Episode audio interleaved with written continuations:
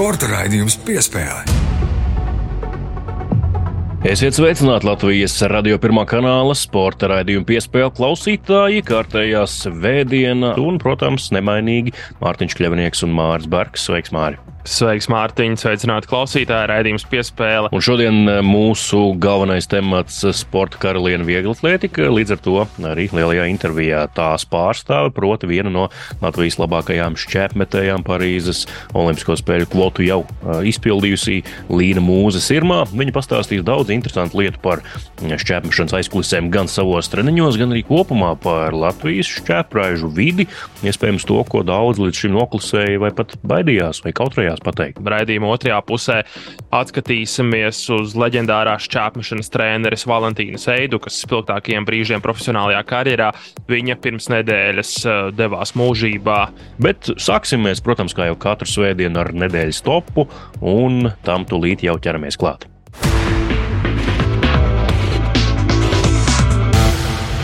Sāksim ar uh, grozbumbu, gan ne ar oficiālu paziņojumu vai oficiālu ziņu, bet, uh, ja kaut kas tāds uh, jau pavīd publisks, kaut vai neoficiāls, tas nozīmē, ka visticamāk jau rītdien tas varētu kļūt arī oficiāls, jo Latvija visticamāk uzņems vienu no Olimpiskās kvalifikācijas turnīriem basketbolā nākamajā vasarā. Tas jau ir izskanējis Jā. no lietuviešu basketbola žurnālista Donāta Urbona puses. Jā, un Donāts Urbāns ir zināms kā viens no labākajiem Eiropas basketbola apskatniekiem. Un, tā, ja viņš saka, tad ir liela iespējamība, ka šīs lietas arī piepildās. Jāsaka, godīgi, droši vien, ka nav tā, ka šiem turnīriem stāv gribētāji rindā, ņemot vērā augstās izmaksas, lai šos turnīrus sarīkotu.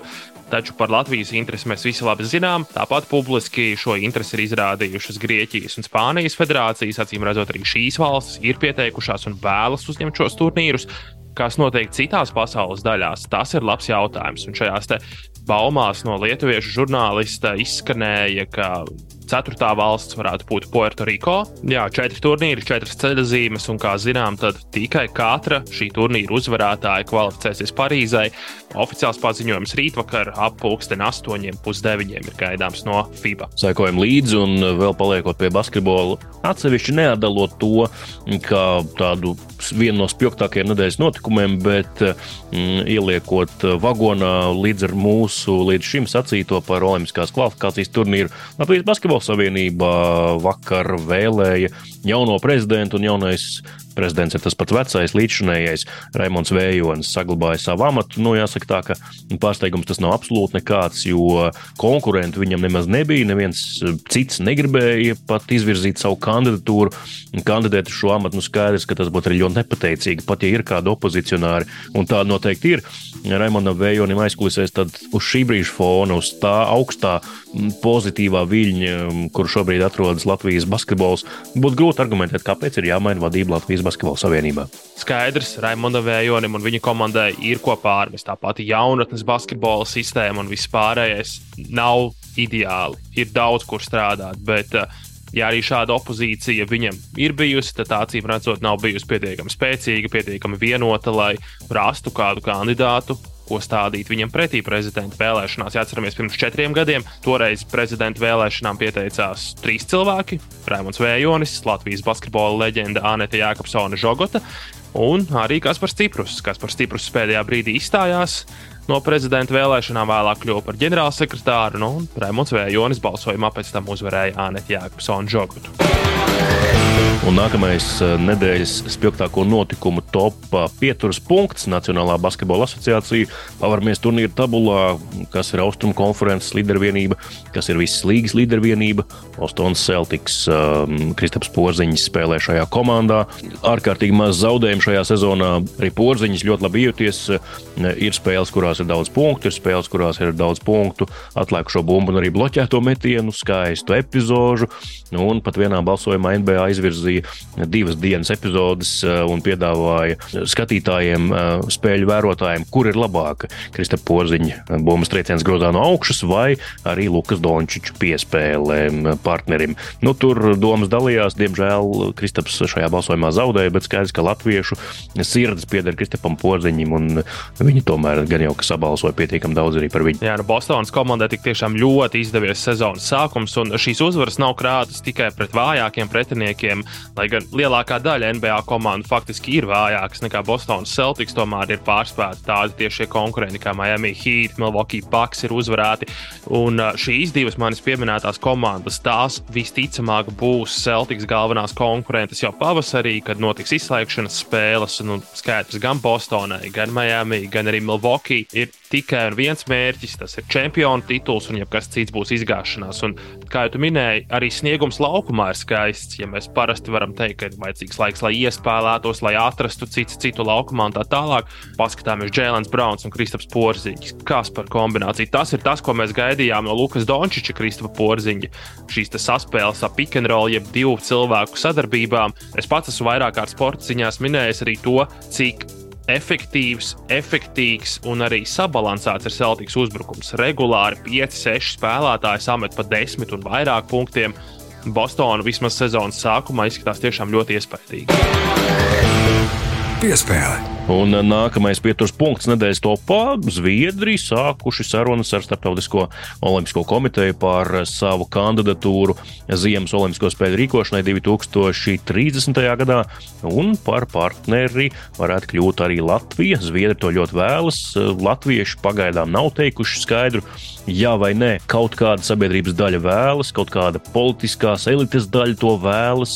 Ministra prezidenta Evika Siliņa no jaunās vienotības savukārt publiski izteikusies, ka vēlas uh, rūpīgi izvērtēt ekonomisko iegūmu, kas būtu, ja tiešām Latvija iesaistītos uh, partnerībā ar Zviedriju, rīkojot šīs spēles. Jā, premjerministrs to izteica uh, pēc tikšanās ar valsts prezidentu Edgars Rinkēviču.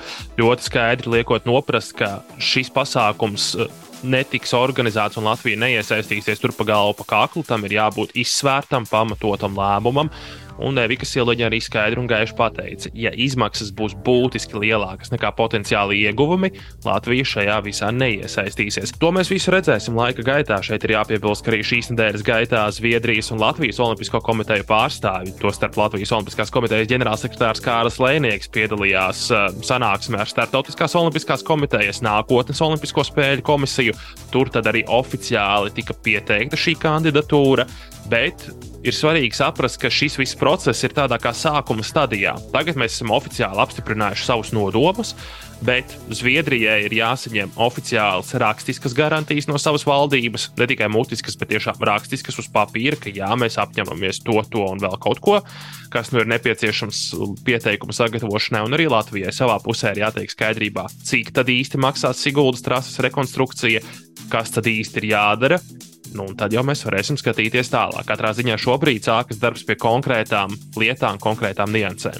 Nu, jā, un šeit ir jāsaka tā, ka Zviedrija jau astoņas reizes ir neveiksmīgi kandidējuši uz ziemas spēlēm. Šis ir devītais pieejams. Neaizmirstam, ka ir jau arī konkurenti. Francijai ir viss, kas ir nepieciešams. Tātad centrālā vieta un pilsēta tiek plānota Nica, Francijas dienvidos, un tad arī viss šis valsts dienvidu austrumu reģions, kur ir Alpu kalni, kur atrodas arī Latvijas trase no 92. gada Olimpiskajām spēlēm. Francūžiem viss ir.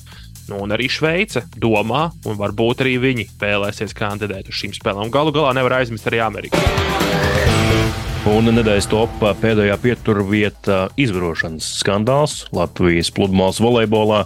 Kāds 40 gadus vecs pludmales volejbola treneris bez atbilstoša certifikāta, starp citu, jāuzsver, izrādās, ir vairāk kārt izvarojis savu 14 gadus veco audzēkni, un nu, tagad viņam draud pat mūža ieslodzījums cietumā, un viņš, starp citu, arī glabājas dažādu raksturu bērnu pornogrāfiskos materiālus. Te jāuzslavē no diena un jāuzteic valsts policijas darbība. Tas viss tika atklāts aprīlī, un tagad jau tas ir nonācis līdz tam, ka šis te uh, pedofils var saņemt reālu cietumsodu. Bet, diemžēl, īsā laikā, vismaz publiskajā telpā, tas ir jau otrais gadījums, kad mēs par kaut ko tādu dzirdam. Gada sākumā bija stāsts, vai precīzāk, gada vidū bija stāsts par Andriu Steļmachu, basketbola treneri, par desmit gadu seniem notikumiem. Šie ir šogad notikuši aktuāli notikumi, bet, nu, diemžēl, ārkārtīgi nepatīkami. Vai tas bijis agrāk vai noticis tagad? tam pat nav nozīmes, kad tieši tas ir noticis. Tas ir absolūti nepieņemami, ka vispār šādas lietas notiek. Un, tiešām grūti iedomāties pat, ko domā bērnu vecāki, kad šādas lietas dzird. Nu, varbūt kāds saka, es nelaidīšu vairs savu bērnu sportā, neļaušu trenēties, dzirdot šādas lietas, un tas pat būtu pilnībā saprotama arī šāda reakcija. Bet, nu, katrā ziņā, jā, kā jau minēju, šim cilvēkam draud mūža ieslodzījums, un uh, visā visumā tāds arī būtu pelnīts. Bet uh, nu, man šajā sakarā ir laikam divi vēstījumi. Pirmais, kā tēvam, citiem vecākiem par to, ka rūpīgi pārunājiet ar saviem bērniem, kāds ir treniņu process, un jautājiet, vaicājiet, un pirms vispār uz kādiem treniņiem sūtāt bērnu, izvērtējiet, kur tas notiek, pie kāda trenera, jo Piemēram, Latvijas Sporta Federācija padomus mājaslapā ir ļoti viegls rīks. Tur ir meklētājs, ievadiet konkrētā treneru vārdu, uzvārdu, vai viņam ir vismaz šis zemākā līmeņa C certifikāts, lai viņš drīkstētu strādāt ar bērniem. Un otrais, protams, ir, nu, ja mūs klausās arī kāds jaunāks paudzes pārstāvis, kāds vēl nepilngadīgs jaunais sportists, tad runājiet ar saviem vecākiem, esiet atklāti un par jebkādu šķietamu aizdomību vai novirzi no normas runājiet ģimenē, sakiet mammai, tētim. Šīs gadījums pats par sevi ir slikts. Bet tas, kas ir vēl sliktāk, Volejbola federācijas ģenerālsekretārs Arnis Stunte vienā no intervijām izteicās, ka pēc šī gadījuma nākšanas gaismā, kad tas izskanēja publiski, viņš ir saņēmis ziņas par vēl iespējamiem līdzīgiem gadījumiem, un tas droši vien ir pats sliktākais, bet no otras puses, labi, ka šīs lietas sāk nākt gaismā, un tas droši vien ir pirmais solis ceļā uz to, lai šo problēmu izskaustu sportā, un tas pilnīgi noteikti ir jāizdara. Sporta raidījums piespēlē.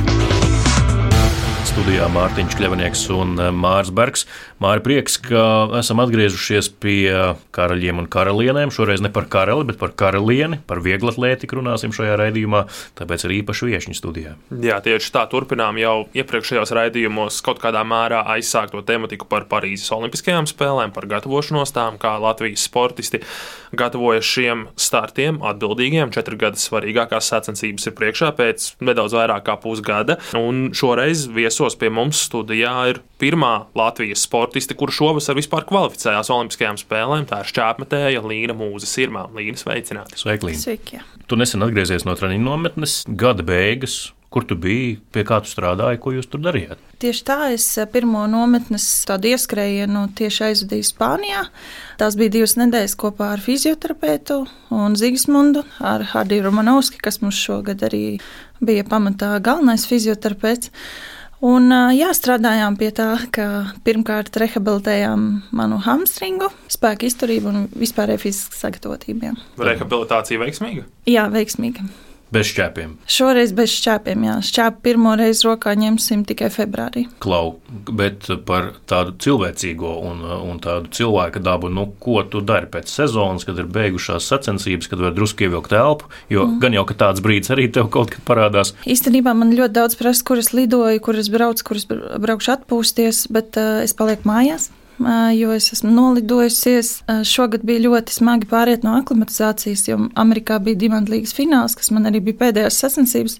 Divas nedēļas pēc kārtas varēju aizmigt tikai 5.40 no rīta. Tas bija pirmo reizi kaut kas tāds, un arī sirds sāk streikot. Tāpēc šogad es paliku mājās, es apciemoju savus vecākus, kurus man ļoti grūti sezonas laikā redzēt. Un otrs, es izvairījos no cilvēkiem, jo sezonas laikā man tiešām ir tik daudz jābūt cilvēkos, tāda publika gan sacensību laikā, gan arī lidostās, man šķiet, ka tajā brīva, brīvajās dienās man vienkārši ir alerģija no cilvēkiem, un es gribu pabūt viena pati, arī savākt domas par to, kāda ir bijusi sezona, kādas ir kļūdas pieļautas, analizēt visu, ko es esmu izdarījusi. Tāpēc, jā, tas ir tās laiks man, un uh, es nekur negribu braukt, nekur negribu skriet. Un, Tas ir tas, ko es esmu sapratusi pēc sezonas, ko es gribu darīt. Jā. Parezumēsim, mm. to nu, jau gandrīz aizvadīto gadu, esam gada beigās. Varbūt ne tikai sportiski, vispār. Kā tu atceries 2023. gadu? Es zinu, kur notikumu tu īpaši atcerēsies. Protams, tev ir uzvārdam piepulcējies vēl viens, bet tā kopumā kāds tev bija šis gads tādā sajūta līmenī? Es teiktu, šis ir otrais gads pēc kārtas, kad es varu lepni teikt, ka man ir labākā sezona karjerā. Ļoti stabila sezona kopumā. Mana stabilākā vispār. Arī olimpiskais normatīvs, kas ir teiksim, tā, man, mans lielākais sasniegums šo sezonu. Un otrais droši vien tas rūkums par pasaules čempionātu finālu. Bet lielais prieks par kvalifikāciju, kas saņēmos, un uh, arī pirmā latvieta, kura uzvarēja kvalifikācijas sacensības, kas arī ir tāds, tādā nozīmīgā, piemēram, manā dzīves posmā, manā karjeras laikā tāds notikums nav bijis, un arī, ka es saņemos kvalifikācijā uz trešo metienu, tas arī nav bijis. Tāpēc psiholoģiski es varētu sevi ļoti, ļoti paslavēt. Bet no fiziskās puses, jā, diemžēl sanāca satraumēties kvalifikācijā, tādēļ finālā. Godīgi sakot, es vēl finālā nezināju, kas esmu notraumējusies.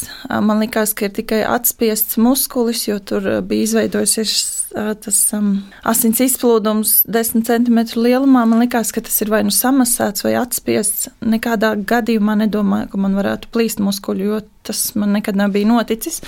Bet skaidrs, ka formā es biju labā un uh, tā arī tas notiek. Un tā laikam ir tāda tā rūgtākā puse, ko es varētu teikt sezonas laikā. Bet, jā, esmu Līnmūrs Sirma. Arī pirmajās sacensībās ar jauno uzvārdu, ko Zīsmans man arī ir devis, izpildīts olimpiskais normatīvs. Un tas ir ļoti skaisti. Un, jā, esmu pateicīga sportam par to, ka es esmu satikusi savu mūžu mīlestību. Tu runāji arī par psiholoģiju, par sevis salikšanu pa plauktiņiem. Tu jau esi izteikusies arī publiski, ka tu strādā ar psihologu. Iepriekš sāk jau pagājušajā gadā jāstrādāt. Mm -hmm. nu, cik tad tas ļoti tev ir palīdzējis, jo rezultātu ziņā un tādas noturības ziņā mēs šogad redzam tos augļus, ka tik tiešām acīm redzot, tas ļoti palīdz.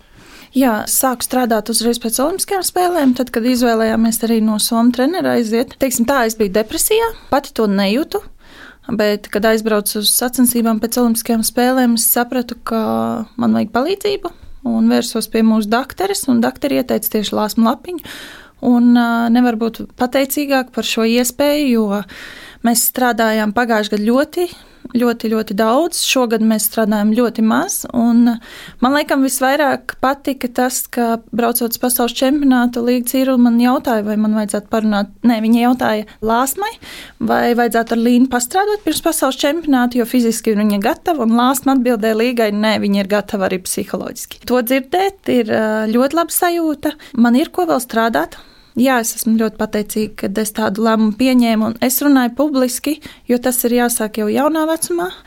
Būtu man tāda iespēja bijusi, vai precīzāk sakot, um, mans ego gribētu to pieņemt ātrāk, es domāju, es būtu jau pavisam citāda šodien šeit. Protams, katrs cilvēks ir individuāla personība ar savām domām un vispārējo, mm. bet vai tu no savas pieredzes, no esot sporta apritē, redzi, ka paši sportisti kļūst atvērtāki šim visam, jo nu, kāds varētu teikt, nu, iet pie psihologa un runāt. Tieši tā, tā ir vājuma pazīme un tā tālāk, bet nu, kaut kā no malas skatoties, arī citi sportisti pamazām par to sāk runāt. Kaut kā šķiet, ka sportisti kļūs atvērtāki tieši šai sadarbībai ar sporta speciālistiem, sporta psihologiem un tam mhm. līdzīgi. Mm. Kā tu to redzi no savas puses un perspektīvas? Jā, es jau piebildīšu, mums bija saruna arī piespēlē šajā raidījumā pirms dažiem mēnešiem ar Agatu Cauni. Mm. Arī viņa savos 18 gados jau strādā ar mm. psihologu. Un jūs redzat, tagad tas panākums. Jā. Tieši tā. Jā, nu nonākt līdz tam nav viegli.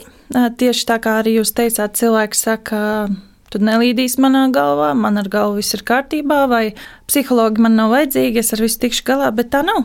Es pat nevaru nosaukt, cik daudz cilvēku ar mani Instagramā ir sazinājušies. Vairāk tās bija mammas un tēti, lai es iesaku psihologu, un es arī lāsmu ļoti iesaku, bet vienmēr ar lāsmu aprunājos vispirms, vai es drīkstu ieteikt. Un jā, viņi saka, jā, jo vairāk cilvēki tieši sāks par to runāt un komunicēs arī ar viņu, jo vieglāk tiešām sportā mums nākotnē būs tieši mentālajā, psiholoģiskajā sagatavotībā. Bet droši vien tam ir vajadzīgs arī pietiekami liels personības iekšējais spēks, lai pateiktu, man vajag šādu palīdzību un man ir jāvērš vēršas pie psihologa. Tur droši vien tev pašai arī sev kaut kādā mērā bija jāpārkāpj diezgan ievērojami pāri. Jā, vai nu tev ir jāpārkāpj sev pašam, vai arī jābūt pašā zemākajā punktā. Un tāda es biju pēc Olimpiskajām spēlēm. Un jā, to visu varēja redzēt gan manā ķermenī, gan arī manā veselības stāvoklī. Un, Paldies Dievam, es sāku strādāt. Savādāk es šeit šodien ar jums nerunātu, jo uh, Olimpisko spēļu normatīvu man nebūtu un savām ceturtajām Olimpiskajām spēlēm negatavotos. Jā.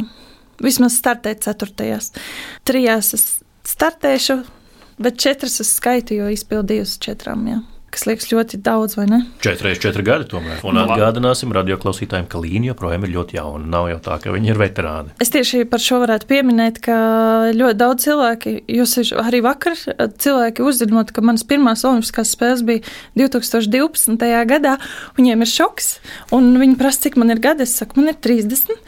Un es saku, ka es vēl gatavojos savām vismaz vēl divām, manā prātā. Ja. Nevar zināt, tomēr Barbara līdz 42 vēl izturēja. To, ko es sapratu arī pēdējos divos gados, ka es vienkārši sāku jaunu.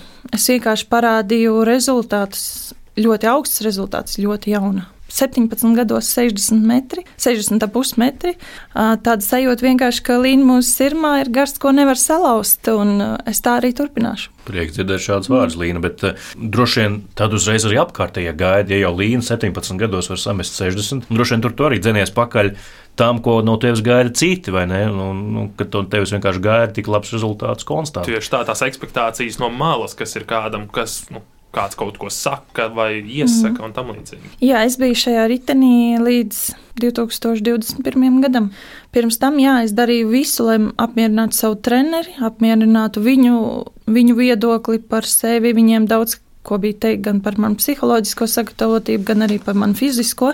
Skatoties manus rezultātus, katru gadu esmu sasniegusi teiksim, tā personisko rekordu. Divi gadi, kad es to neesmu izdarījusi, tas ir bijuši traumas gadi. Lai arī cik traki tas liekas pēc tam traumām, bet es esmu atpakaļ. Jā, es neesmu sasniegusi ne to, to, ko es gribu, bet, kā jau minēju, man ir 30 gadi un pasaules rekordiste beidzas 42 un vēl pie tam ar Eiropas čempionātu medaļu.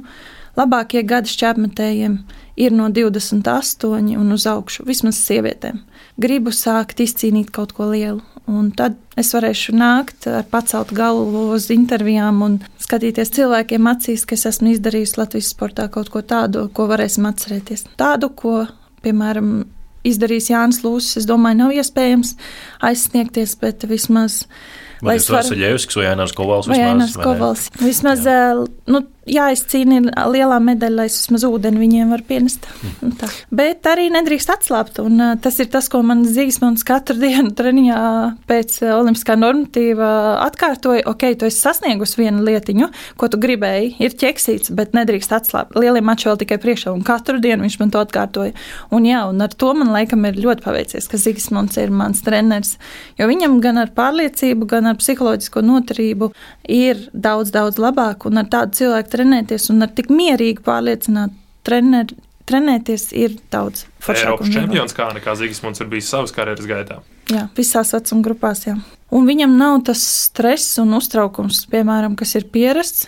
Es atceros, ka dažreiz mans treneris Kimo varēja vienkārši noģīrt, mm. tāpēc viņš gāja tālākajā stūrī, vai arī, nu, trenerīte, jā, trenerīte teica ļoti daudz. Uh, pa čaņķiem sauc, un tā, nu, kas arī ir labi. Un, tam citu, jā, nu, ir katram ir tā sava, un pagaidām man strādā tas, ka viņš ir tik mierīgs. Mēs nevaram neparunāt, tu jau pieminēji trenerīti, Valentīnu mm. Eiduku, lai viegli smilts. Kā tu atcerēsies trenerīti? Nu, par ar tiem čaņķiem vai, vai kaut ko citu, kas ir tas viņas, nu, kas paliks atmiņā tev, piemēram? Jā, es esmu audzēkne, kura pavadīja pie trenerītes, manuprāt, visīsāko laiku no visām. Es teiktu, es ļoti gribētu, lai tiešām viņas bērni, kurus viņa sauca, gan tas bija Vadims, gan arī Sinta, gan Zīgis, lai viņi izteiktu vairāk ainās, protams, un arī pēdējos divus gadus uh, Anita ar Patriku, uh, bet es noteikti atcerēšos ar to, ka sievieti ar tādu krampi sportā un man pārliecību, ar kādu viņa gāja, ka viņa nevarēja ietekmēt ne, ne vīrieši augstāk stāvoši, ne, ne citi treneri. Tādu cilvēku ir ļoti grūti sastapt dzīvē vispār, un no viņas ļoti daudz mēs mācījāmies.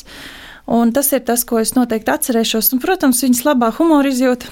Viņa rūpējās par šķērsmešanu. Un man ir sāpīgi redzēt, ka šobrīd viņa ir aizgājusi un mūsu paši labākie, leģendārākie cilvēki šķērsmešanā šobrīd atdusas Tas liek padomāt par to, vai mēs kādreiz varēsim vispār aizsniegties līdz tam, ko sasniedza Ines Jaunzema, Jānis Lūsis un Valentīna Eiduka savā dzīves laikā. Jā, mums jābūt pateicīgiem par to, ka mūsu dzīves ceļi krustojās, un par ko es esmu visvairāk pateicīga, laikam par savu vīru Zīgsmundu Sirmo, jo Zīgsmundu es satiku šajā nometnē 16 gados. Jā, lai viegli trenētu tur augšā, mm. Līna, bet ja mēs runājam par šīm leģendārām, leģendārajām personībām. Tu jau pieminēji, un principā visi ir aizsaulē. Jānis Lūsis, um, Ines Jaunzem, Valentīns Mazālīts, tāpat mm. Valentīna Eiduka tikko pieminētā. Vai tu redzi kādu, kam tagad tā rūp Latvijas šķērpmešana šobrīd, kā rūpē viņiem? Ja drīkst būt godīgi, nevienam. Nevienam. Jā, tā kā, piemēram, es varu nosaukt visvairāk, kam rūpēja jā, šie cilvēki nosauktie un valī draugi. Nu, Šķērsmetēji klubs, jā, jā. protams. Šobrīd Šķērsmetēji klubam nav finansējuma. Kāpēc mums trūkst jaunie sportisti finansējums? Šis 60 tūkstoši, ko valīja draugi arī izcīnīja, šī nav vairāk. Bija arī kaut kāds laiks, kad iekšlietu sistēma palīdzēja, jums bija darbs jā. policijā. Jā? Jā. jā, jā. Tagad tā arī vairs nav. Ir. Ir. ir. Aha. Četriem cilvēkiem, viegli atletikā. Teiksim, tā viņi visu laiku mainās, jo katru gadu tev ir jāparāda rezultāts. Un arī es šeit esmu visvecākā. Jā, nu kas. Es esmu tik daudz redzējusi, tik daudz dzirdējusi, tik daudz esmu bijusi ar visiem Latvijas treneriem. Protams, es neesmu trenējusies ar Gintu Palamēku un Stropinderu, bet uh, tas, ko es esmu piedzīvojusi, redzējusi, šobrīd mums nav neviens, kurš, uh, kuram tā rūpētu šķērsmešana. Es domāju, sportisti un treneri šobrīd viņiem rūp savi panākumi un savs labums, savs finanses. Es būšu diezgan atklāta. Un tāpēc arī šķērsmešanas jaunieši, juniori mums ir tur, kur viņi ir. Jūs jau zināt. Nu, nekur augstā. Kādas ir jūsu savstarpējās attiecības ar tiem citiem elites šķēpmetējiem? Tiešām ir tā, ka katrs savā stūrītī kaut ko rušinās. Tieši tā. Tā arī ir. Tā arī ir. Jā. Mēs ar Zīves. Kādu viedokļu domu apmaiņu par treniņu metodikām nenotiek? Jā? Es teiktu, agrāk bija vieglāk, bet varu teikt, ka katram trenerim viņa ego ir liels. Mēs ar Zīgi tāpēc dodamies uz ārzemēm, jo ārzemēs mūs ņem pretī vairāk. Ar ko jūs sadarbojaties ārzemēs? Nu, droši vien vēl kādu piesaistāt, vienkārši lai nu, tā pati sacensība, ar ko vienkārši pamačoties, kad ir ar šķēpiem. Jā, jā, jā, jā, jā. jā, mēs pēc četrām dienām dodamies pie Tomas Rollera, olimpiskā čempiona un viņa treneru Haro. Es teiktu, esmu ļoti pārsteigta, cik ļoti ārzemju sportisti labi izturās pret mani un Zigsmundu, un mums ir iespējas doties trenēties visur, kur mēs vēlamies. Viss, viss lielākais paldies man šobrīd ir uh, Uve Honam, kas ir uh, iepriekšējais pasaules rekordists 104 metri, jo viņš šobrīd mums sūta uh, pleca gumijas vingrinājumus. Es teiktu tādu mīlestību, kādu es jūtu no pasaules šķērsmetējiem. Latvijā, diemžēl, mums nav šādas komunikācijas tik tos. Ja tu trenējies vienā treniņu grupā ar kā šobrīd ir piemēram Madara ar, ar sietiņu, tad uh, viņām ir labas attiecības. Tāpat kā es trenējos ar Sintu, mums bija labas attiecības. Un arī Anet, ar Aneties trenējos kopā. Mums bija ļoti labas attiecības. Kā tu esi citā grupā? Es nezinu, kāpēc, bet attiecību vienkārši nav. Mm. Un tas ir, manuprāt, pamatā uz to, ka uh, agrāk tas bija uz treneriem. Treneri savā starpā vispār nerunāja, viens otru, teiksim, tā pat sunīja Un es teiktu arī to, ka mēs kā sportisti šajā vidē, esot pie katra trenera, mēs mainamies, mēs izmainamies un mēs vairāk sekojam tam piemēram. Ja kādam no treneriem ir sliktas attiecības, tad mums bez maza ir aizliegts runāt ar uh, to treneri vai ar viņa audzēkņiem.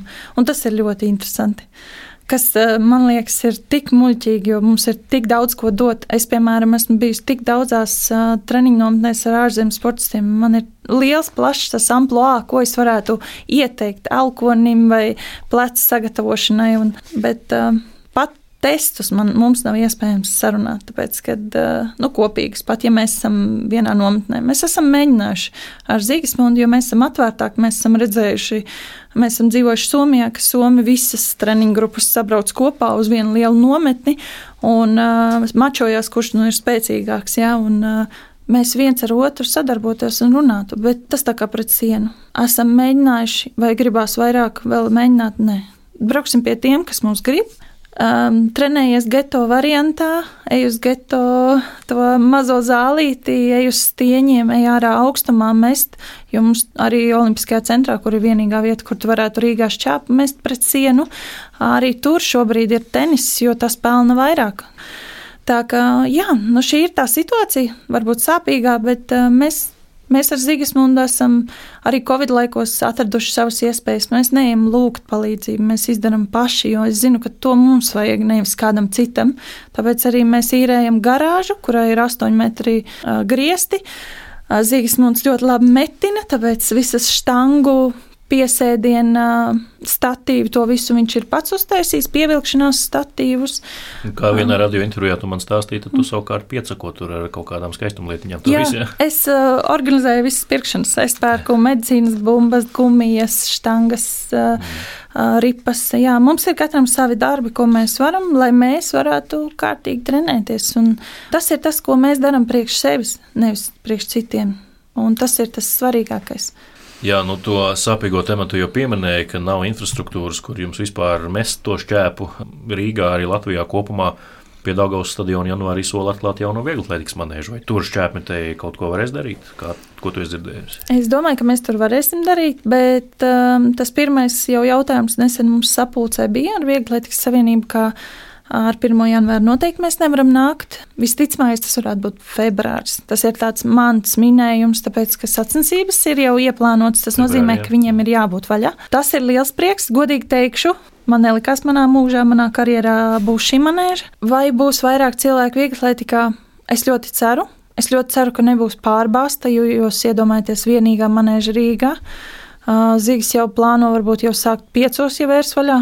Jau tik agri, jā, jo gribam vienkārši, ja ir iespēja, tad strādāt uh, pilnvērtīgi, nevis nu, gaidīt uz, uz daudziem cilvēkiem. Nu, es ļoti, ļoti ceru, ka viegli tik attīstīsies, bet, lai viegli tik attīstītos, mums ir, uh, teiksim, tā elites atlētiem ir jārod, jārāda rezultāti, ir jārāda, ka tas ir forši, skaisti, bet tāpat laikā nevajag arī melot, kad ir. Uh, tā kā mākonītis, ja, debesīs. Skaisti un brīnišķīgi. Jā, jā, ir arī lietas, un ir tās dienas, kad zibeņo, un kad tu vienkārši jūties šausmīgi un briesmīgi. Tā es gribētu redzēt daudz vieglas lietas, un man ir ļoti daudz piedāvājumu jau sākt kā trenerei darboties, bet arī es esmu ļoti tieša un, teiksim tā, es zinu, cik daudz enerģijas varētu dot šiem bērniem, un tas nav ne tuvu to, ko viņiem vajag tieši šajā vecumā, kad uh, teiksim, tā vispārīgā fiziskā sagatavotība, un tev ir jābūt visu laiku blakām. Tu nevari vienkārši bērnus atstāt vienus pašus un trenēties.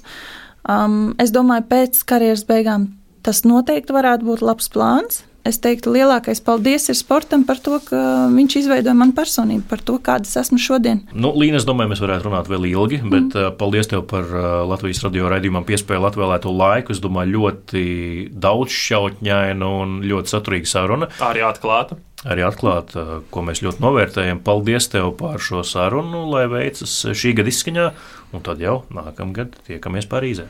Jā, sarunās, un paldies. Un darbiņš jāmīl. Tāpēc jā, es mīlu to, ko daru, un cenšos to visu arī parādīt. Un ceru, ka cilvēki iemīlēs savu darbu no citas puses, ja arī viņš šobrīd nepārāk patīk, jo arī tajā vietā es biju. Paldies, Līna. Mm. Paldies. Paldies jums.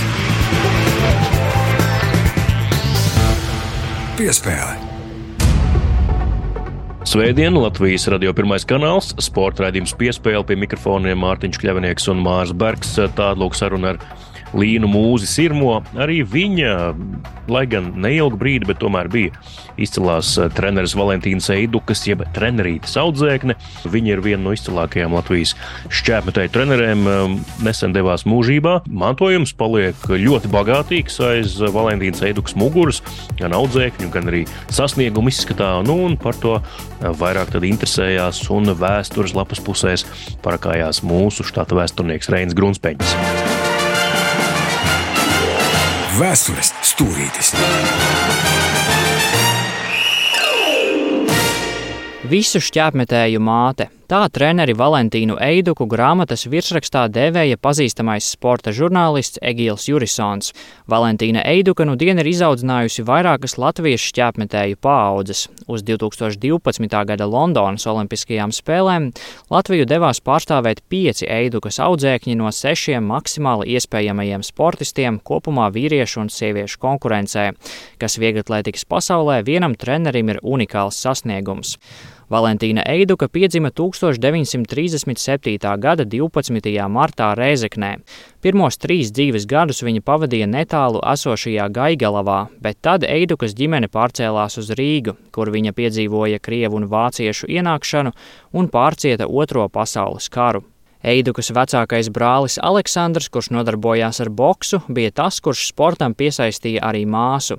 16 gadu vecumā viņi apmeklēja kādas PSRS mēroga vieglatlētikas sacensības Daugavas stadionā, kurās Eidukas uzmanību piesaistīja skaistais šķēpa lidojums. Visu sacensību laiku viņa noskatījās tikai šķēpmešanu, un kopš tās dienas tā kļuva par neatņemamu viņas dzīves sastāvdaļu. Ģimene dzīvoja netālu no Daugavas stadiona, un Eiduka izmantoja to, ka uz treniņiem nav jābrauc cauri visai pilsētai. Sportistes karjeras laikā Valentīna Eiduka kļuva par astoņkārtēju Latvijas PSR čempioni. Trenējusies gan pie Alberta Putāna kopā ar olimpisko čempioni Inesi Jaunzemi, gan vēlāk pie Valentīna Mazzālīša kopā ar leģendāro Jāni Lūsi. Viņas personiskais rekords ar vecās konstrukcijas šķēpu bija 52,97 cm. Tomēr, kā atminas pati Eiduka, kādās pašmāju sacensībās viņa metusi arī 56 metrus, taču tiesnesis to nepamanīja, jo tobrīd skatījās, kā Edvīns Zāģeris skrien 400 metru barjeras skrējienu un mērāmo iesmiņu iesprauda krietni tuvāk. Protestēja gan skatītāji, gan treneris, taču tiesnesis savu lēmumu nemainīja. Dusmīgā Eiduka uzkliegusi, ka, ja pamanīs viņu uz ielas, tad brauks virsū ar motociklu, ar kuru viņa tolaik braukāja pa Rīgas ielām.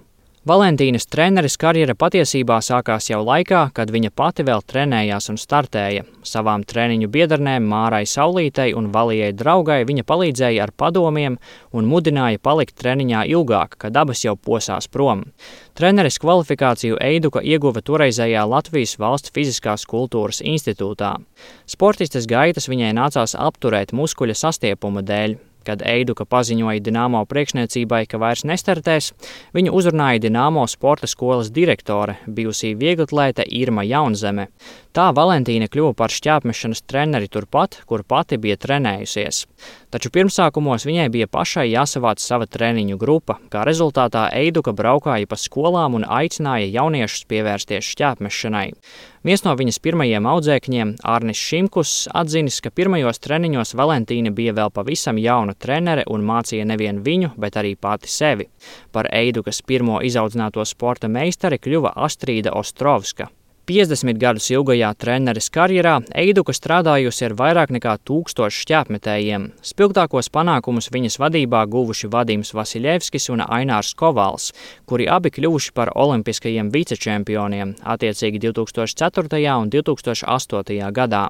Vadimu Vasiljevski Eiduka pazina gandrīz pirms viņa nākšanas pasaulē, jo abi viņa vecāki trenerei bija seni draugi. Ciemojoties pie viņiem vairākus gadus pēc tam, kad Vadims bija piedzimis, Valentīna jokojot puikam prasījusi, vai viņš nāks pie viņas trenēties mest šķēpu. Vasiljevskis atrūcis, ka nē, un uzgriezis muguru savai nākamajai trenerei.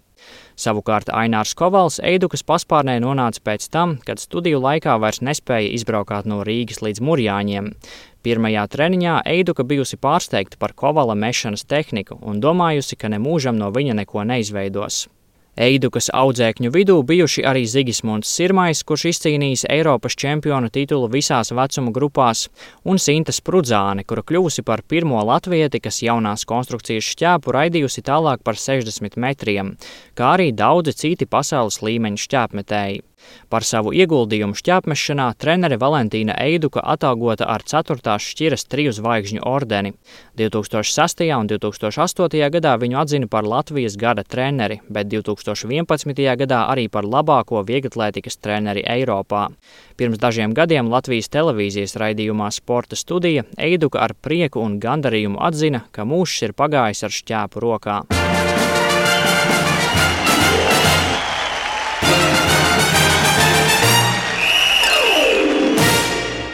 Latvijas radio pirmais kanāls, sporta raidījums piespēle kārtējā svētdienas studijā Mārtiņš Kļavinieks un Mārs Bergs. Tāda lūk. Valentīnas Eidukas sasniegumu vācelīte. Ļoti bagātīga, starp citu, bet mēs liekam punktu šīs nedēļas raidījumam. Paldies, ka klausījāties, bijāt kopā ar mums. Jā, raidījums piespēle, protams, būs atpakaļ arī nākamnedēļ. Kas attiecas uz Līnas mūzes sirmās interviju, šeit, protams, dzirdējām tikai daļu no tās un ļoti interesantu tiešām sarunu gandrīz stundas garumā, kur viņi atklāja tiešām daudz un dažādas nianses, ļoti interesantas nianses var klausīties labākajās raidierakstu podkāstu vietnēs un platformās, un, protams, tur arī meklējums raidījums piespēli. Paldies, ka klausījāties šajā svētdienā. Tiekamies jau pēc nedēļas. Uz tikšanos! Sporta raidījums piespēle.